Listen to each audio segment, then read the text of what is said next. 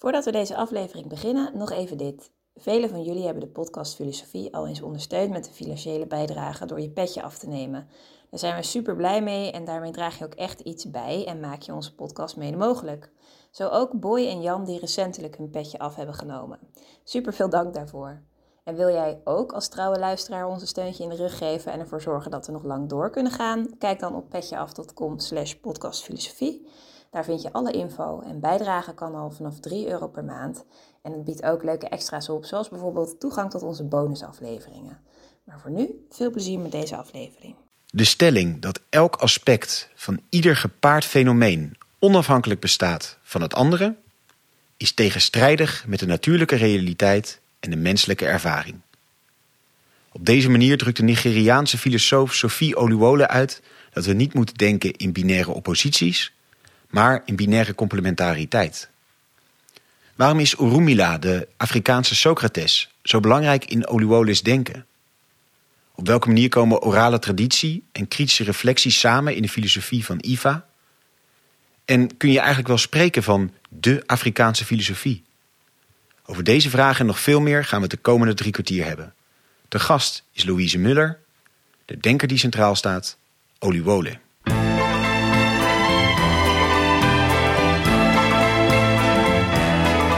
Vers les docks où le poids et l'ennui me courbent le dos. Dag, goed dat je weer luistert naar een nieuwe aflevering van de podcast Filosofie van het Centre Erasme, School voor Filosofie in Zuid-Frankrijk, Vlaanderen en Nederland. Mijn naam is Allard Amelink en het concept van deze podcast is wel bekend. Een hoofdgast, presentator en sidekick en in ongeveer 45 minuten duiken we in het denken van één filosoof. En vandaag naast mij op de bank zit Letitia Hoebe. Ja, te midden van uh, de Afrikaanse kunst en de Afrikaanse boeken. We gaan het namelijk hebben over Afrikaanse filosofie. Voor zover uh, dat bestaat, of we daarover kunnen spreken, dat doet waarschijnlijk niet helemaal recht aan uh, de filosofische traditie van een heel continent. Maar veel te bespreken dus. Ja, we gaan toch een poging wagen om ja. iets van daar toch verdere helderheid in te krijgen. En tegenover ons zit Louise Muller. Ze studeerde geschiedenis en filosofie in Rotterdam, promoveerde in Edinburgh en is nu verbonden aan het Lucas, een onderzoekscentrum van de Universiteit van Leiden. Dag Louise, welkom in onze podcast. Ja, welkom. Dankjewel. Ja, en mooi dat we bij jou thuis te gast mogen zijn inderdaad. We gaan het, uh, we gaan het hebben over Sophie Oluwole, een uh, Nigeriaans filosoof. Zij begon haar carrière met een studie van het westers filosofisch denken. Maar na het behalen van haar dokterstitel in de filosofie, als uh, eerste Nigeriaanse vrouw, besloot ze zich verder te ontwikkelen in de traditionele Afrikaanse filosofie. Oluwole wilde de velo verborgen rijkdom van de klassieke Afrikaanse denken naar voren brengen, waarbij de zogenaamde IFA-teksten een belangrijke rol speelden. Oluwole werd geboren in 1935 en overleed uiteindelijk in 2018. En uh, Louise, we zeggen al, naar de Afrikaanse uh, cultuur en filosofie uh, nog een groot containerbegrip naad. En dan is het dus ook dat Oluwole begon in het westerse denken en zich toen gericht op het traditionele Afrikaanse denken. Voordat we misschien al die termen maar eens een keer een beetje gaan relativeren. Waarom maakten ze deze beweging? Waarom richtten ze zich op een gegeven moment minder op het westerse denken en wilden ze zich richten op dat klassieke Afrikaanse denken? Uh, nou, eigenlijk uh, maakte ze die beweging omdat Oluwole al van jongs af aan heel erg geïnteresseerd was in de Yoruba-cultuur. Haar grootmoeder was uh, Yoruba en ze groeide op in de Edo-staat in Zuid-Nigeria. En die, werd ook gedomineerd, die staat werd gedomineerd door de Yoruba als culturele groep. Um, maar ja, toen ze jong was en op de lagere school zat, werd uh, ze eigenlijk christelijk, Anglikaans uh, uh, opgevoed. Dus het was eigenlijk alleen bij haar grootmoeder, als ze daar op bezoek was, dat ze um, ook naar de ja, Yoruba-rituelen kon kijken. En dat intrigeerde haar heel erg. Maar ze konden gewoon niet zoveel meer doen, want haar ouders die waren dus christelijk. En die wilden eigenlijk ook liever niet dat ze met uh, hoe dat toen in de koloniale tijd waarin ze leefde gezien werd, met dit soort heidense praktijken hm. in aanmerking kwam. En um, nou, maar het bleef gewoon um, ja, heel erg um, iets uh, wat uh, Oliebol heel erg interessant vond. Alleen ook omdat ze in die koloniale periode in Nigeria leefde, was eigenlijk het hele onderwijs, het filosofieonderwijs wat zij kreeg, dat was heel erg gericht op westerse filosofie. Want koloniale Engelse overheersers die hadden die westerse filosofie ehm, ja, met zich meegebracht en in de educatieve programma's van uh, Afrikanen op uh, universiteiten nou, daar ingebracht. En uh, dus ja, toen zij promoveerde, toen kon ze eigenlijk alleen maar promoveren in westerse ethiek, meta-ethiek. En dus daarom heeft ze pas nadat ze gepromoveerd was, de carrière switch gemaakt naar ja, Yoruba filosofie. En werd ze erg uh, ge, ja, getriggerd door de klassieke Afrikaanse filosofie, zoals zij het noemt. En uh, bestudeerde ze de teksten en het divinatiesysteem van uh, IFA. Ja, en, en help ons even, wat, wat zijn dat die IFA-teksten? Wat, wat, wat, wat, voor type teksten moeten we dan aan denken? Wat, Ja, nou, IFA-teksten, die wordt ook wel vergeleken met dichtung. Maar het, is eigenlijk, het zijn verschillende type teksten. Het zijn versen, maar het is ook uh, um, ja, literatuur. Het zijn ook verhalen. Dus het is eigenlijk een soort van uh, allegaartje van uh, type teksten. Um, maar, en die, die teksten die horen bij het IFA-divinatiesysteem. En dat die divinatiesysteem is eigenlijk het opslagsysteem uh, om die teksten op te roepen. Dus en het idee van de, dat uh, divinatiesysteem is uh, dat je dus bepaalde combinaties gooit met uh, kaurischelpjes of um, palmnoten. En dat bij iedere combinatie dus een bepaalde odu heet dat dan, zo'n een vers of IFA tekst hoort. Hm. En die, die teksten die kunnen dus ja, die zijn dus eigenlijk bedoeld uh, om het uh, karakter van uh, mensen die dus, nou ja, bij een wijze komen om naar die teksten te luisteren, om het karakter daarvan te ontwikkelen. Want die teksten die kunnen dus de cliënten van een wijze de weg wijzen in het leven. Dus ja, als je, nou, je dus bijvoorbeeld de combinatie XI gegooid, noem maar even wat. Uh, en um, daar hoort een bepaalde tekst bij. En dan uh, zegt die tekst van: Oh ja, um, je moet um, je angsten kan je op die en die manier bezweren. En dan komt er dus iets naar voren uit die teksten, waar dat, wat dus uh, behulpzaam kan zijn bij het bezweren van die angst. En nou, als dat dan voldoende is, in de ogen van de, van de cliënt, dan kan je dan stoppen. Maar als het dan ja, toch nog niet is wat de persoon wilde, dan ga je gewoon, uh, dan gaat dus de, de, de wijze die gaat uh, verder. En net zolang totdat de cliënt zelf aangeeft van, nou, nu heb ik echt zoveel uh, versen gehoord. Ik denk dat ik wel weer verder kan met mijn leven. En beter weten hoe ik mijn angsten om bijvoorbeeld de ondergang van de wereld door de milieu- of corona, milieucrisis of coronacrisis nu uh, ja, kan bezweren. Dus, dus ze, ze waren eigenlijk bedoeld die teksten om mondeling over te dragen, maar ze zijn ook opgeschreven na verloop van tijd. En, en er zit dus ook wel iets in van een soort dienstverlening of zo, filosofische ja, het is heel uh, erg uh, het is heel praktisch uh, ja. gericht. Dus het hoort ook die het IFA van Urunmila. En Urunmila is dus eigenlijk de eerste filosoof die dat IFA-systeem geïntroduceerd heeft in dezelfde tijd als Socrates. zo ja, 500 voor Christus. En um, ja, het, het, het waren inderdaad orale teksten en die zijn uh, oraal overgedragen. En die zijn dus door de jaren heen zodanig overgedragen dat ze vrijwel identiek zijn gebleven. Dus die teksten zoals die er toen uitzagen, 500 Christus, die kennen we nu nog. Pas in de 19e eeuw zijn die teksten op schrift gesteld. En hoe weten we dat het dan oraal goed overgedragen is? dat, dat, kunnen we nergens aan toetsen in zekere zin. Nou, dat hebben ze dus wel. Ze, in ieder geval hebben ze er um, onderzoek uh, naar gedaan dat de, de versies die dan nu als schrift ontstaan zijn uit verschillende uh, gebieden vrijwel identiek waren. Dus dan weet je van wat er dan in um, ja, staat uh, I uit voort is gekomen na al die jaren, is hetzelfde als wat er staat Z is gekomen. Dus moeten die overdracht uh, toch wel vrij precies zijn gebeurd. Ja. Ja, ja, anders is het toch een beetje een doorfluisterspelletje dus waar je al ja. aan het eind van de nou, gang zeg maar, een ander verhaal Het feit dat het is dus inderdaad geen fluisterspelletje. Bij een fluisterspelletje heb je inderdaad aan het einde een totaal ander verhaal aan het begin. Maar um, dat divinatiesysteem, dat helpt dus de wijze um, of divinatiepriesters ook heel erg bij het onthouden van die versen. Want dat is eigenlijk een soort wiskundig um, model. En uh, omdat, je, omdat het zo systematisch in elkaar zit, kunnen die uh, wijzen ook dus.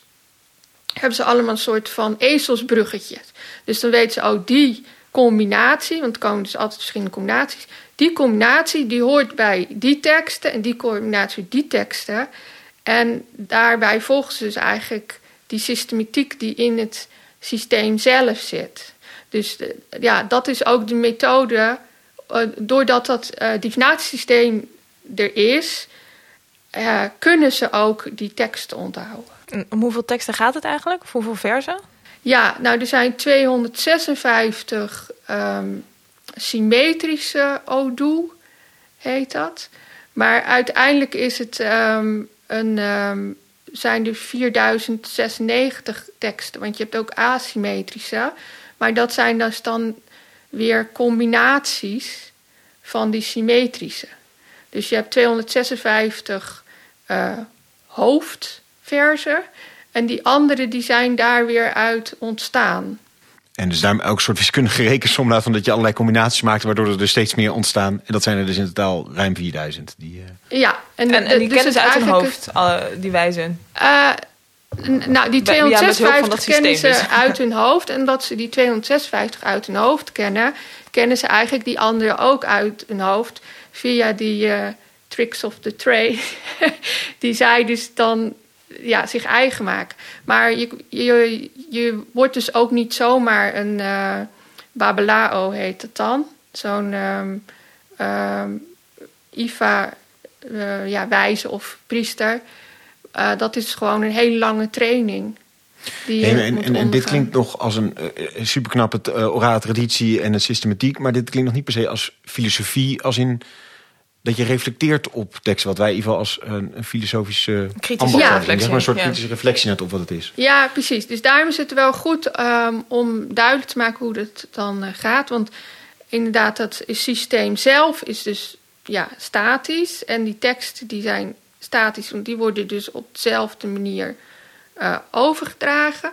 Maar uh, de wijze die heeft vervolgens de taak om niet alleen die teksten, uh, ja, zal ik maar zeggen, als een soort zang uh, nou ja, te communiceren naar de cliënt toe. Maar ook om die uh, kritisch te interpreteren. En uh, Olubole, die, het punt wat zij maakt van nou, dit is dus wel filosofie. Dat is omdat het dus gaat om een soort ja, nou, traditie, het overdragen van de Yoruba-traditie, maar ook tegelijkertijd uh, om een kritische reflectie op de eigen cultuur. En die reflectie die zit dus in de interpretatie van het uh, IVA corpus. Dat, is, dus dat, is die, dat zijn al die verschillende teksten die samen uh, de IVA Odu vormen, die 4096 waar we het over hadden.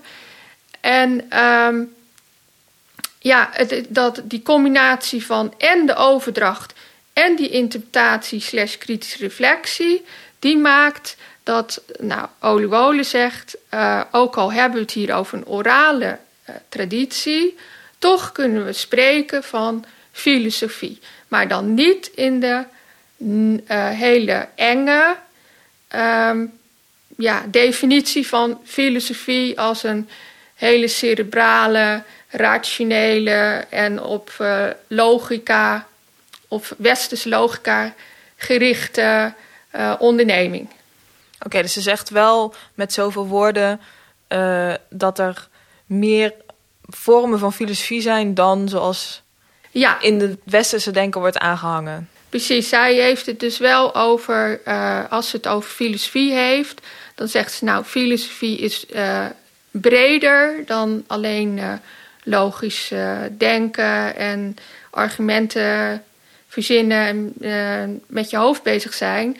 Nee, filosofie gaat ook over een praktische, ja, want jij, jij had het ook over dienstverlening, over een praktische ervaring en het um, ten dienste stellen van uh, ideeën aan de gemeenschap. Want uiteindelijk had dus Orun Mila, Orun Mila was dus een tijdgenoot, daar heeft Olivolits ook over, uh, van uh, Socrates. En zowel Orun Mila als Socrates hadden de idee dat je filosofie um, moet inzetten om mensen beter, tot betere mensen te maken. Ja. En dat doe je dus um, ja, door een bepaalde uh, praktische methode passen. En dan, nou, bij Socrates hebben we het dan over het Socratisch gesprek, dat hij dan als methode heeft ontwikkeld om um, eigenlijk de waarheid in mensen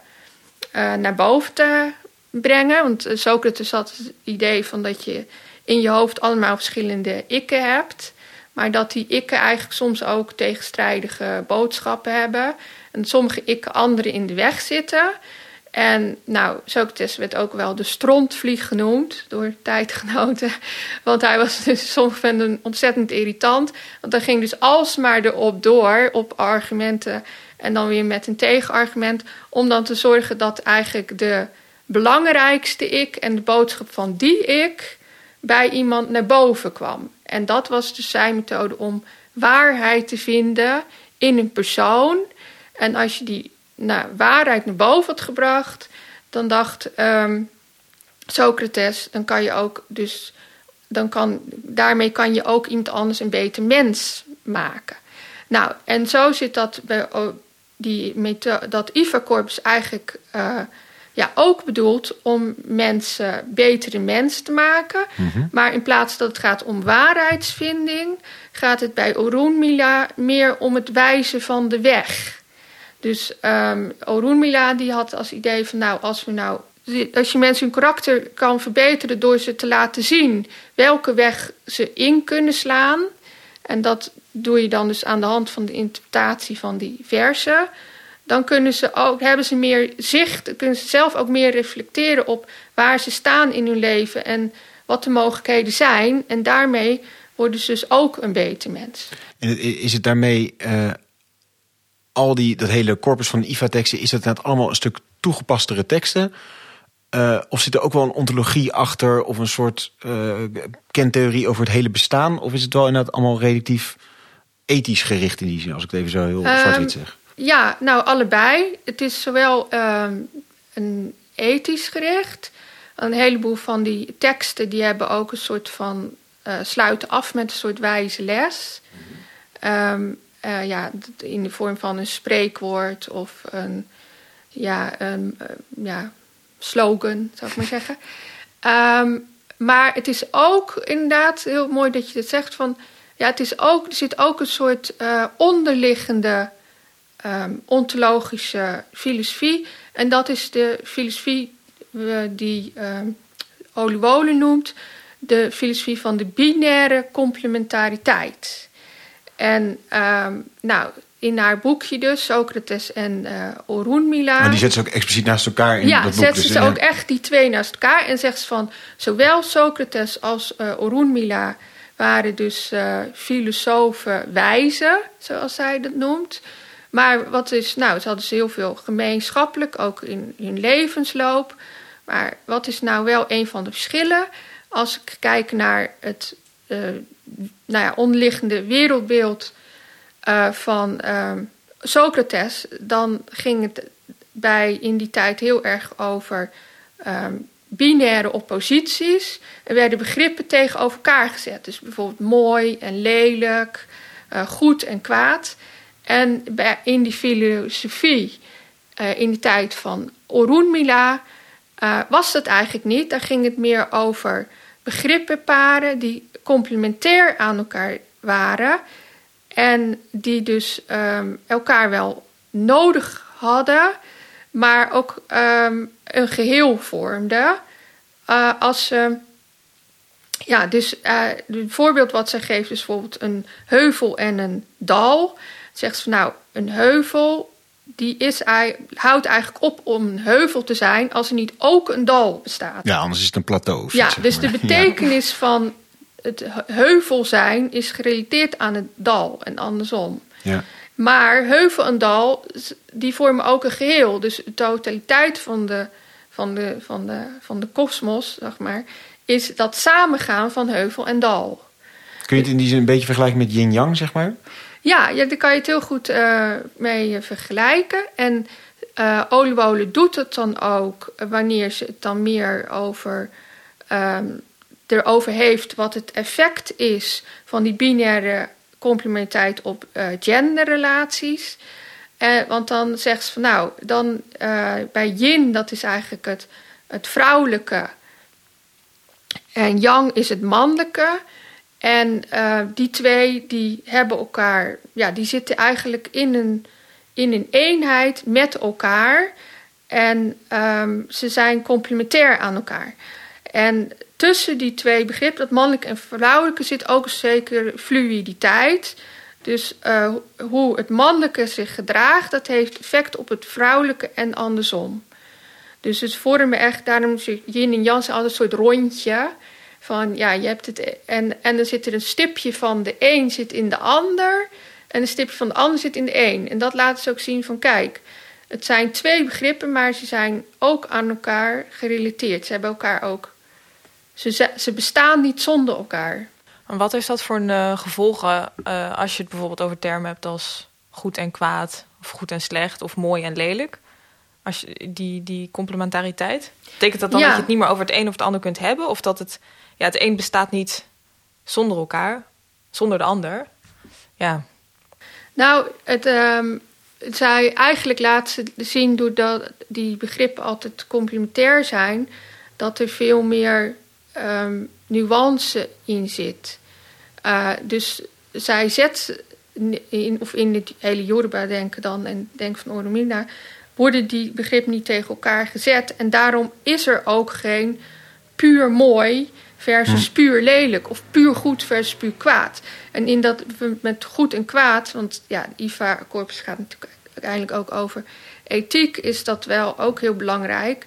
Dat ze, het eigenlijk, dat ze eigenlijk laten zien van, ja, je gaat een bepaalde weg in, maar welke weg jij ingaat en wat goed is, is afhankelijk van waar jij op dit moment staat. Ja. En wat voor de ene goed is, is voor de ander helemaal niet goed.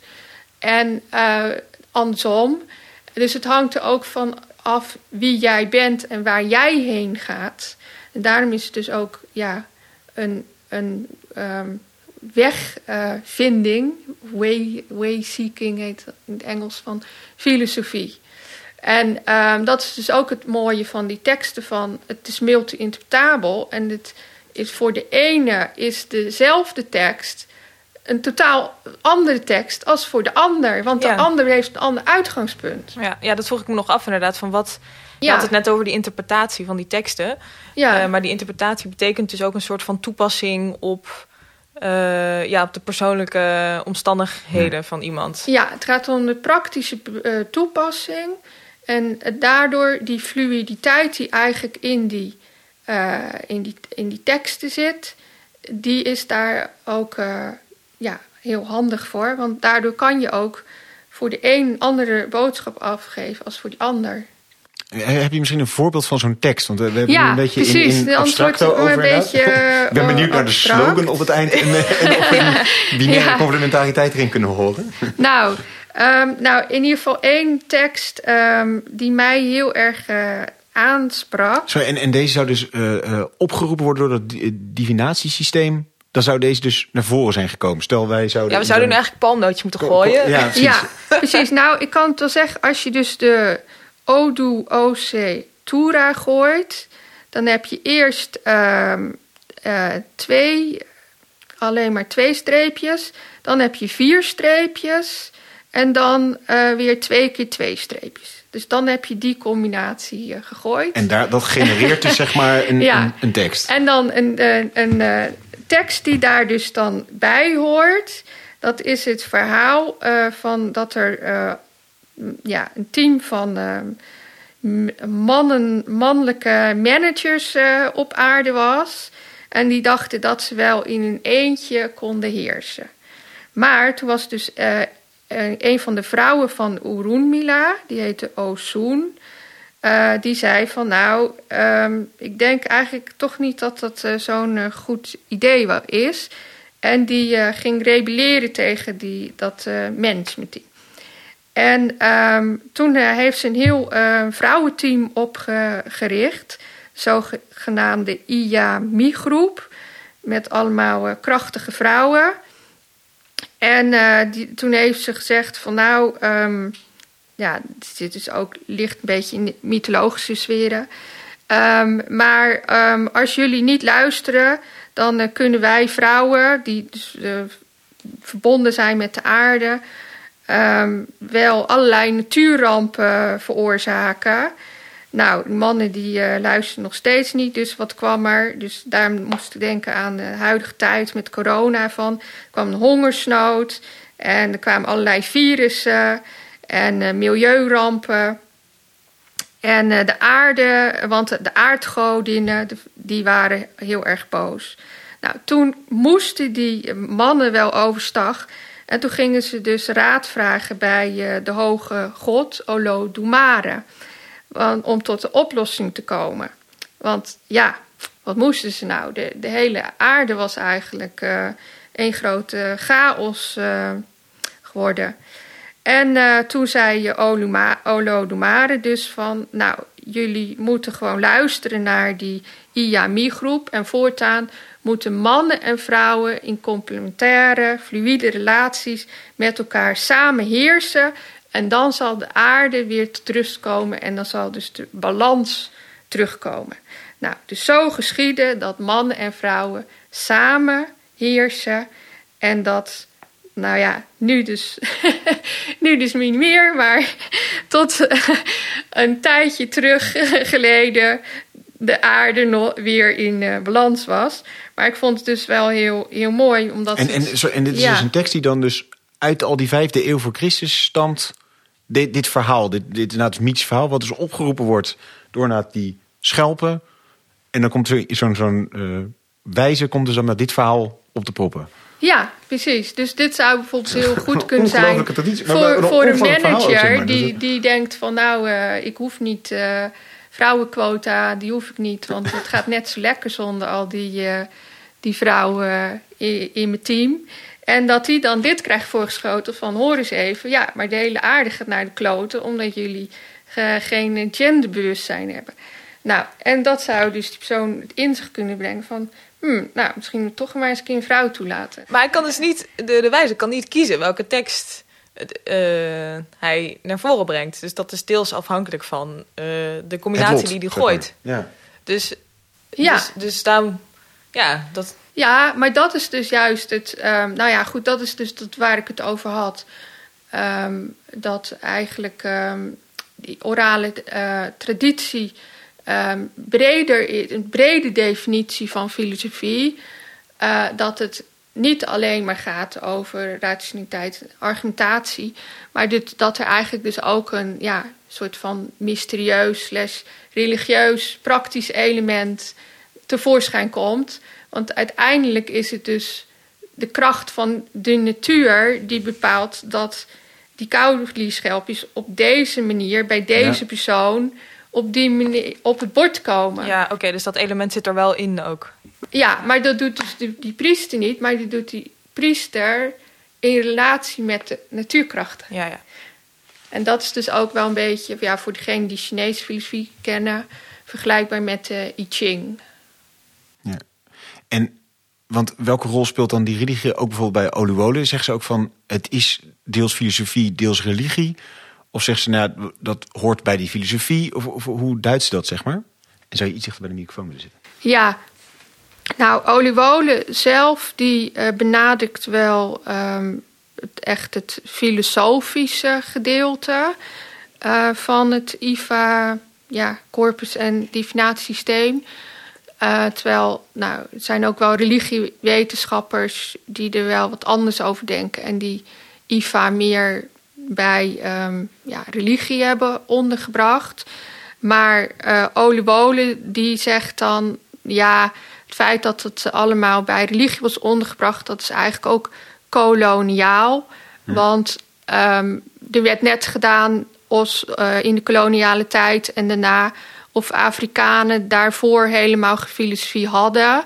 Bijvoorbeeld bij het boek van de Levi Brul, dat gaat dan over la, um, ja, mentaliteit, primitief.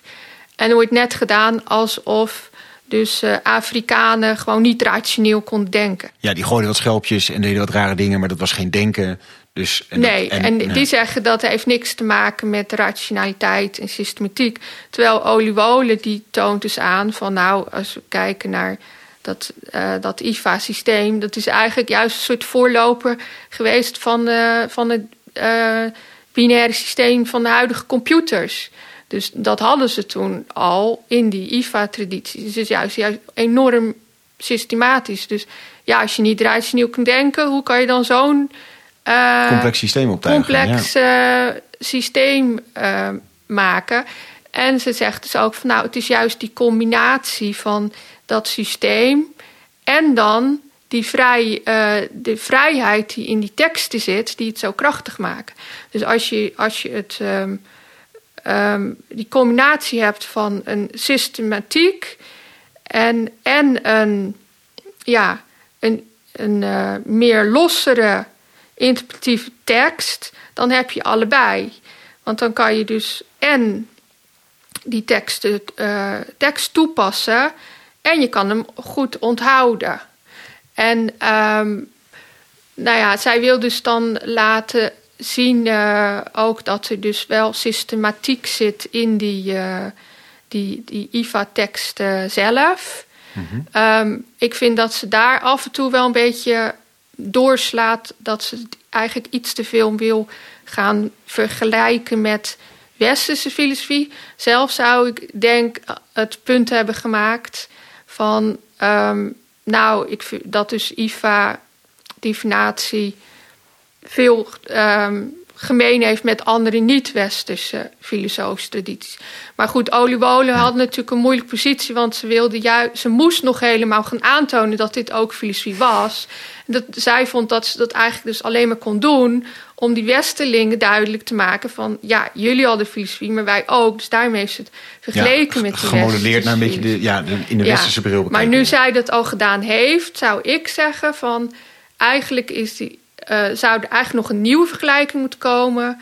Van dus ja, bijvoorbeeld IFA met de I Ching of IFA met de, Indone uh, de Indische uh, ja, vroege teksten. Dat je dan eigenlijk nog iets meer recht doet aan die um, filosofie van Urun Mila. Ja. Was, was ze eigenlijk de eerste die zich met deze teksten bezig is gaan houden? Zij heeft het echt ontdekt. Um, nou, ze was niet de eerste, want ja, zij leeft ook in, zij is in 1935 geboren. En die teksten zijn al in de 19e eeuw uh, op schrift gesteld. Maar degene die die met eerste als tekst um, ja, ermee uh, bezig waren, dat waren missionarissen of missionaris georiënteerde historici. Dus die hadden natuurlijk wel een hele andere invalshoek.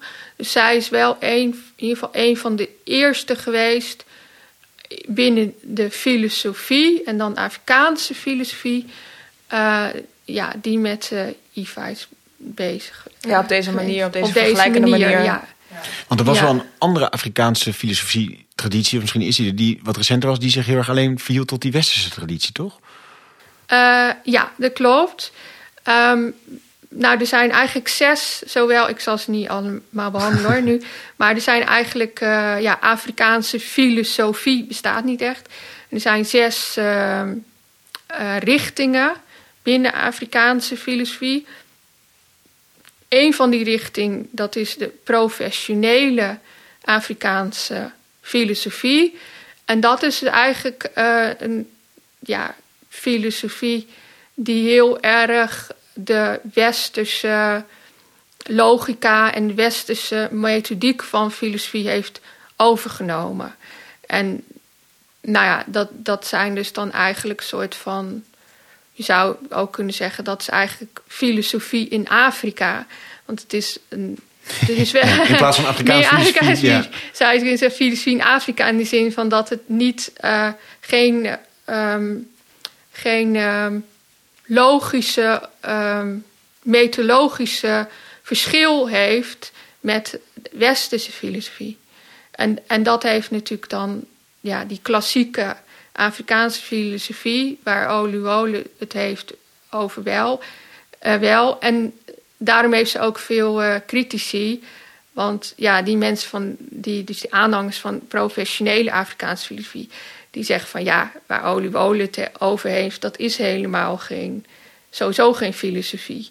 Uh, want ja, als je dat dan zou vergelijken met uh, Europa, dan zou je eigenlijk allerlei volksverhalen uh, en um, volksspreekwoorden, die zou je opeens tot filosofie gaan bombarderen. Ja. En, en, waar is deze stroming dan meer mee bezig? Of?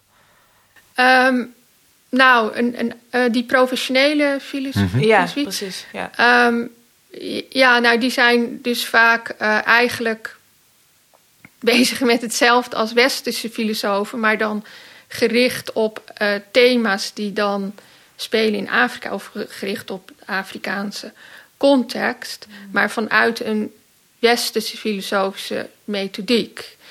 Um, maar ook ja, een van de punten is ook um, die, uh, waar dus Olivolen zich dan wel ook wat van aan heeft getrokken, sommige andere Afrikaanse filosofen dan weer niet. Maar dat um, een van de punten van die professionele filosofen was ook van. Ja, maar um, die Afrikaanse filosofie van de voorkoloniale periode, dat is, ook, dat is geen filosofie, want het gaat helemaal niet over individuen. En filosofie zou altijd over individuen moeten zijn. Socrates is natuurlijk ook een individu. Je, niet, je hebt het niet over de Griekse filosofie in het algemeen. Maar dan ga je het hebben over Socrates. Dus over wie gaan we het dan hebben in die andere hm. filosofie? Nou, daarom is onder andere om die redenen is um, Olu Bole en ook in navolging van nog een andere uh, Keniaanse Afrikaanse filosoof, die heette Odera Oruka. Die had dat ook al gedaan. Uh, is zij gaan kijken van wat, wie waren dan wel de individuen. Ja. En toen is ze dus uitgekomen op ja, in haar eigen Yoruba-traditie dan op die Orunmila. Als een soort vergelijkbaar figuur met, met Socrates. Um, en daarmee um, keert ze zich dan juist dus weer tegen die, nog weer een andere Afrikaanse stroom. Dat is dan de etnofilosofie. Want die richt zich dan echt op filosofie van groepen. Um, ja. Dus die zeggen bijvoorbeeld van, nou, nou, je hebt de Yoruba en die denken allemaal zo. En je hebt uh, de Akan en die denken allemaal zo. En alsof er geen individualiteit in die groepen zit. En dan zegt dus Oliewolen, hoor eens even, er zijn wel individuen. Uh, dus, maar zij noemt zichzelf dus dan, dus zij noemt zichzelf kritisch traditionalist, omdat ze zich afzet tegen die etnofilosofie, met die groepsfilosofie.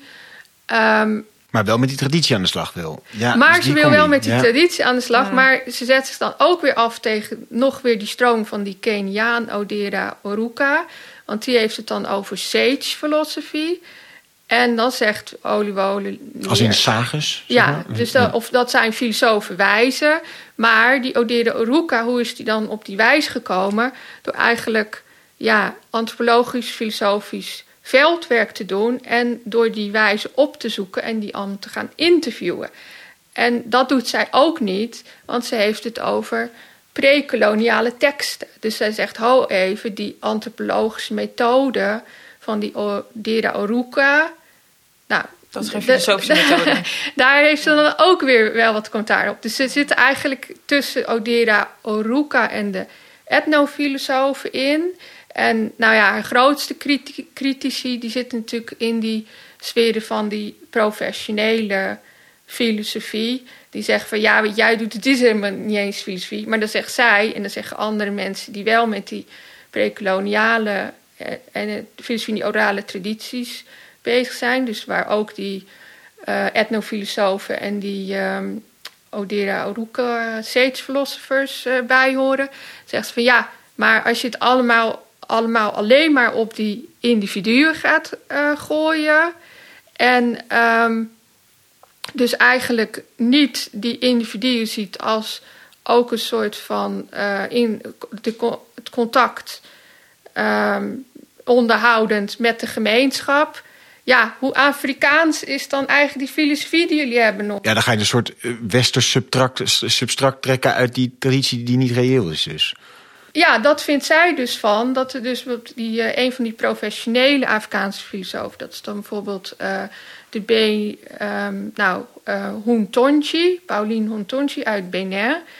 En um, dus Oluwole en andere zeg maar, orale traditiefilosofen. Zeggen, ja, nu heb je het wel over filosofie, maar heb jij het eigenlijk nog wel over Afrikaanse filosofie?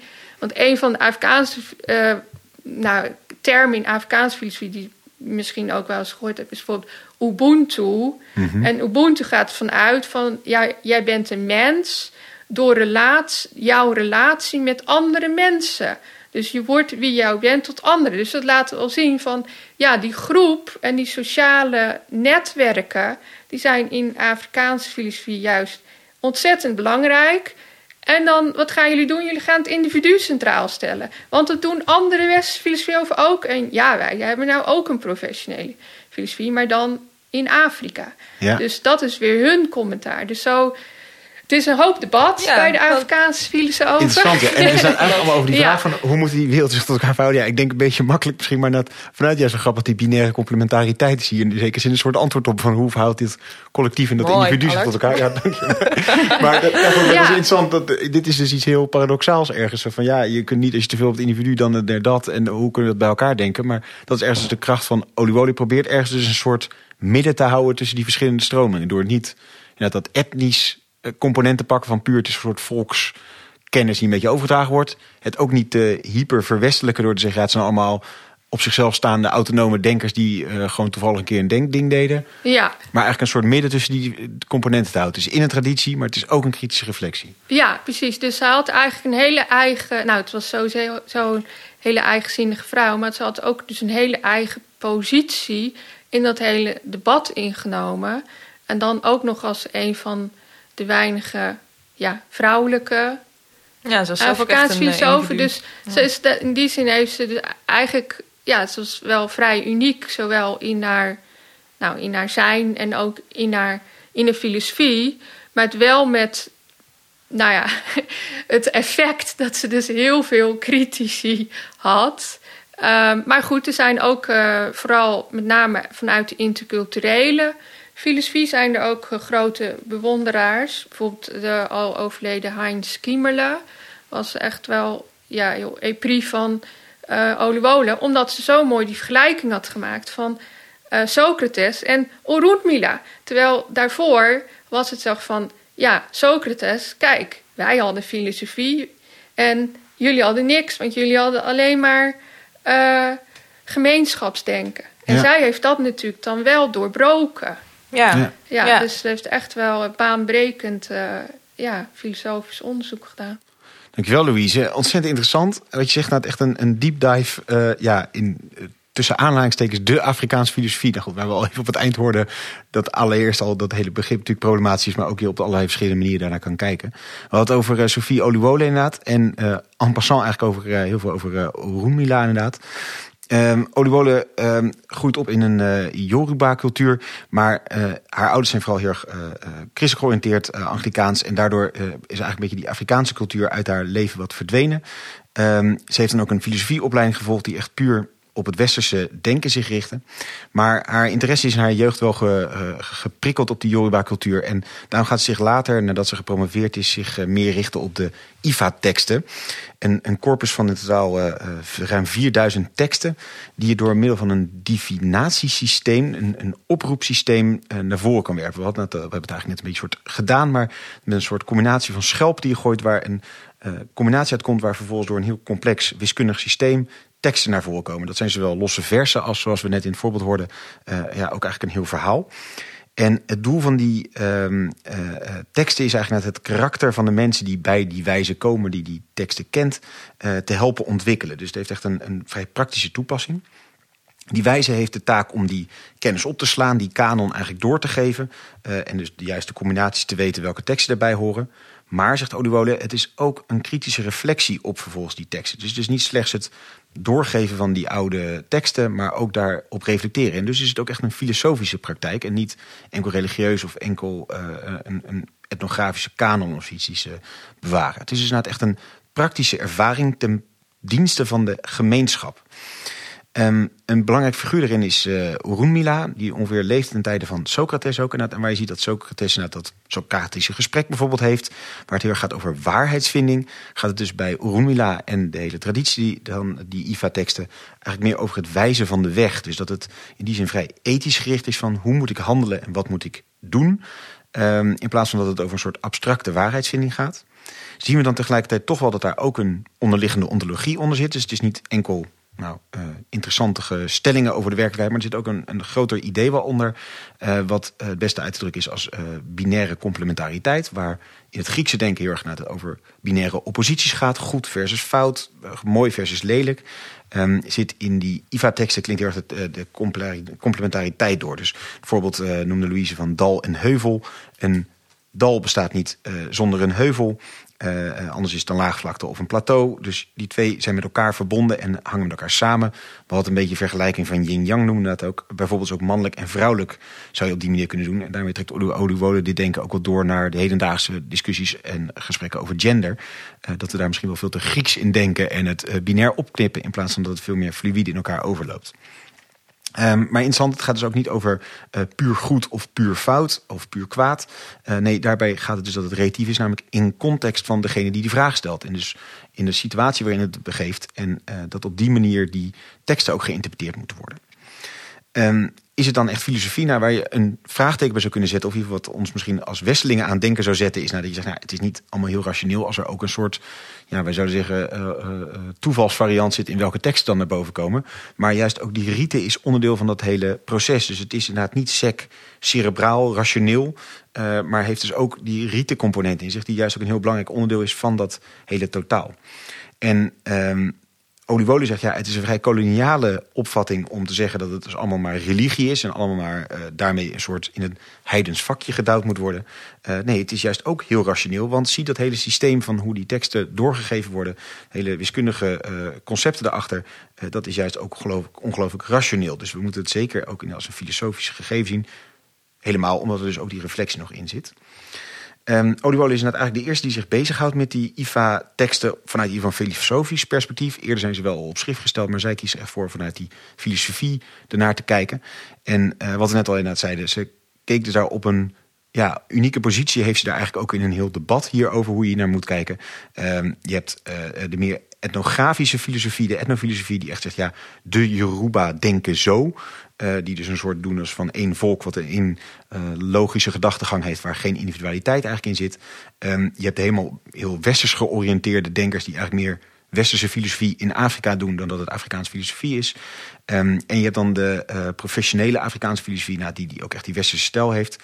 Um, wat Oliwoli dus goed doet, is dat ze en die individuen benadrukt. En daarom dus onder andere um, Urumila uh, naar voren schrijft. Uh, en tegelijkertijd dus wel echt plaatst in die traditie die er ook breder is. Dus ze noemt zichzelf een kritisch traditionalist op dit punt. En uh, ja, voor ons is volgens mij een super interessante kennismaking uh, met Urumila dus. Ja, de Socrates. Ze, ze plaatsen ook expliciet naast elkaar. Um, en dus zeker ook denk ik die binaire complementariteit die echt een enorm toepasbaar ding is. Nou goed, Louise noemde een mooi voorbeeld van onze hedendaagse tijd met Ivo een mooie slogan, zoals je zei, als uitsmijter. Dat er naast de hoeveelheid mannen die in deze wereld actief is, meer vrouwen nodig zijn om de balans te houden die kritische reflectie geef jij mooi ook nu op deze tekst in dit heden. Heel veel dank, Louise. Ontzettend interessant verhaal. Dankjewel, Letitia. En jij natuurlijk heel hartelijk dank voor het luisteren. we vinden het fantastisch dat er in jullie in zulke grote getalen luisteren. En laat ons vooral ook weten wat je weer van deze aflevering vond. En deel hem ook vooral met anderen als je denkt dat ze het interessant vinden. En graag weer tot een volgende keer. Au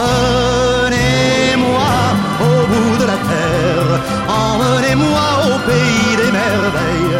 Il me semble